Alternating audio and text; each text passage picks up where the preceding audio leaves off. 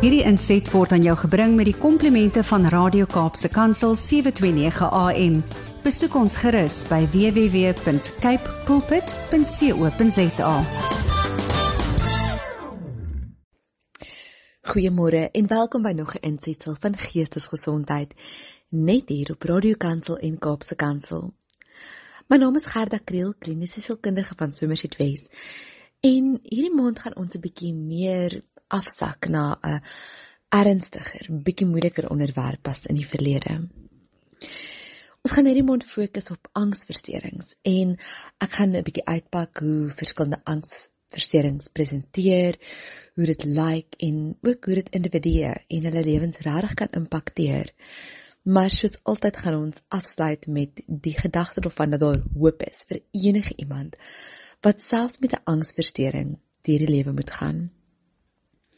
My hoop is dat jy geïnspireer sal wees om hulp te kry as jy jouself in een van hierdie episodes identifiseer of om hulp aan te bied en beter insig te kry as jy een van jou geliefdes in een van hierdie episodes identifiseer. Nou, angsversteurings is die naam wat ons as sielkundiges of geestesgesondheidspraktisyns gee vir 'n groep baie spesifieke versteurings wie se kenmerk angstigheid is. Nou, daar is verskeie hiervan. Een van die mees algemene is veralgemene angsversteuring. En dit word nie veralgemeen genoem omdat dit baie voorkom nie, maar eerder omdat die angs nie 'n spesifieke rigting het nie.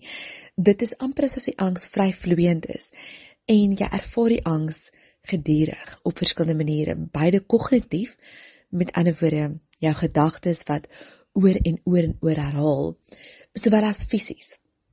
Nou angsversteurings is baie uniek in 'n sekere mate dat hulle het 'n fisieke uitwerking ook op die liggaam.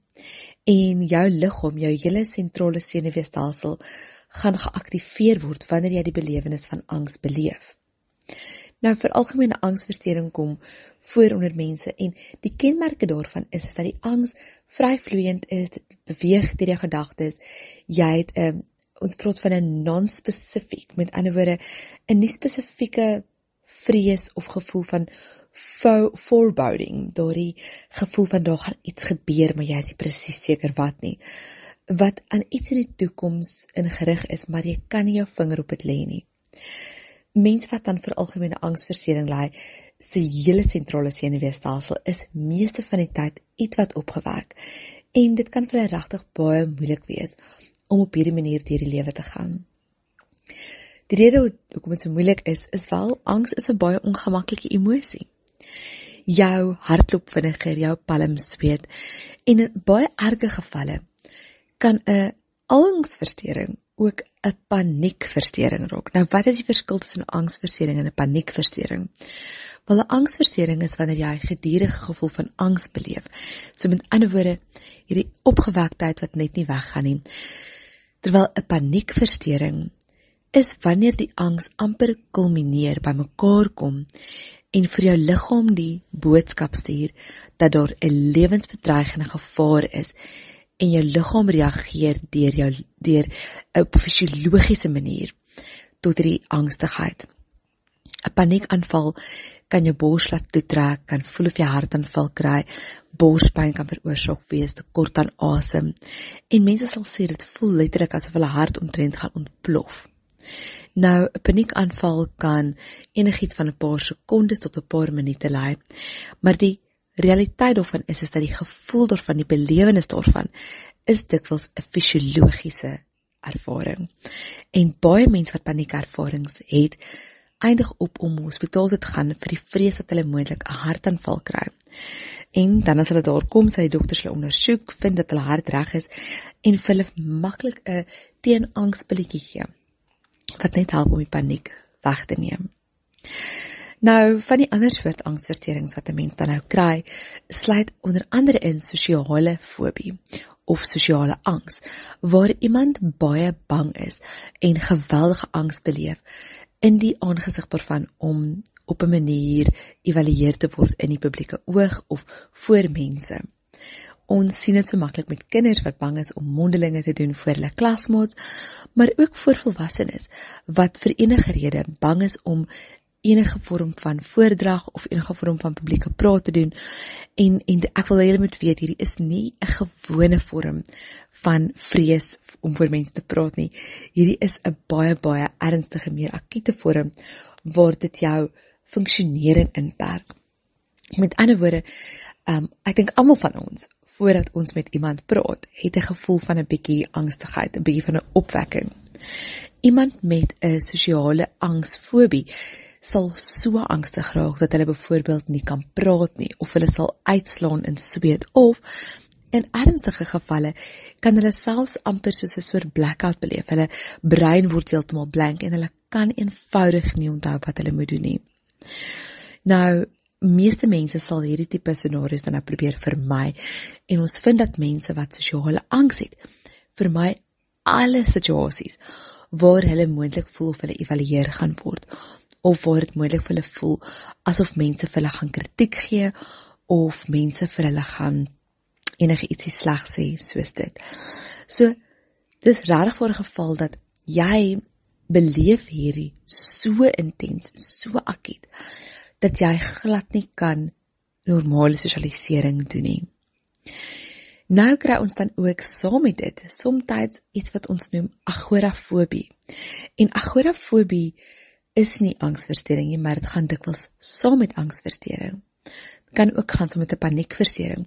Agorafobie is die fobie wat jy beleef om in publieke plekke te beweeg.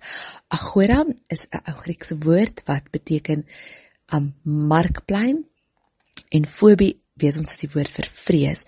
Nou wanneer iemand dan 'n agorafobie beleef, dan raak hulle heeltemal angsbevange in omgewings waarin hulle sou verwag word om te kon funksioneer. Byvoorbeeld winkelsentrums of die kerk of enige plekke waar 'n groot groep mense saamgaan. Nou agorafobie gaan dikwels saam met 'n paniekversteuring en dit ontwikkel ontwikkel dikwels nadat iemand 'n paniekaanval beleef het, juis in vrees dat hulle moontlik in die toekoms weer 'n paniekaanval kan beleef. En veral 'n groot vrees dan nou kry om 'n paniekaanval in die publiek te kry waar hulle nie kan wegkom nie of waar iemand vir hulle gaan lag of waar hulle niks kan doen aan hulle paniekaanval nie. Nou agorafobie, paniekversteuring, angsversteurings, hierdie is alles versteurings wat regtig mense se lewenskwaliteit negatief kan beïnvloed. En dis geweldig moeilik om vir iemand wat nie daarin lê nie te probeer verduidelik hoe 'n massiewe impak dit kan hê op iemand se kwaliteit van lewe. Die realiteit is agter dit. Dit laat mense makliker isoleer, dit maak hulle meer vreesbevange en dit veroorsaak dikwels vir mense dat hulle die gevoel het dat hulle nie in die samelewing kan inpas nie. Luisteraars, ek wil regtig hê julle moet vandag weet dat jy nie in 'n konstante toestand van vrees en angs hoef te leef nie.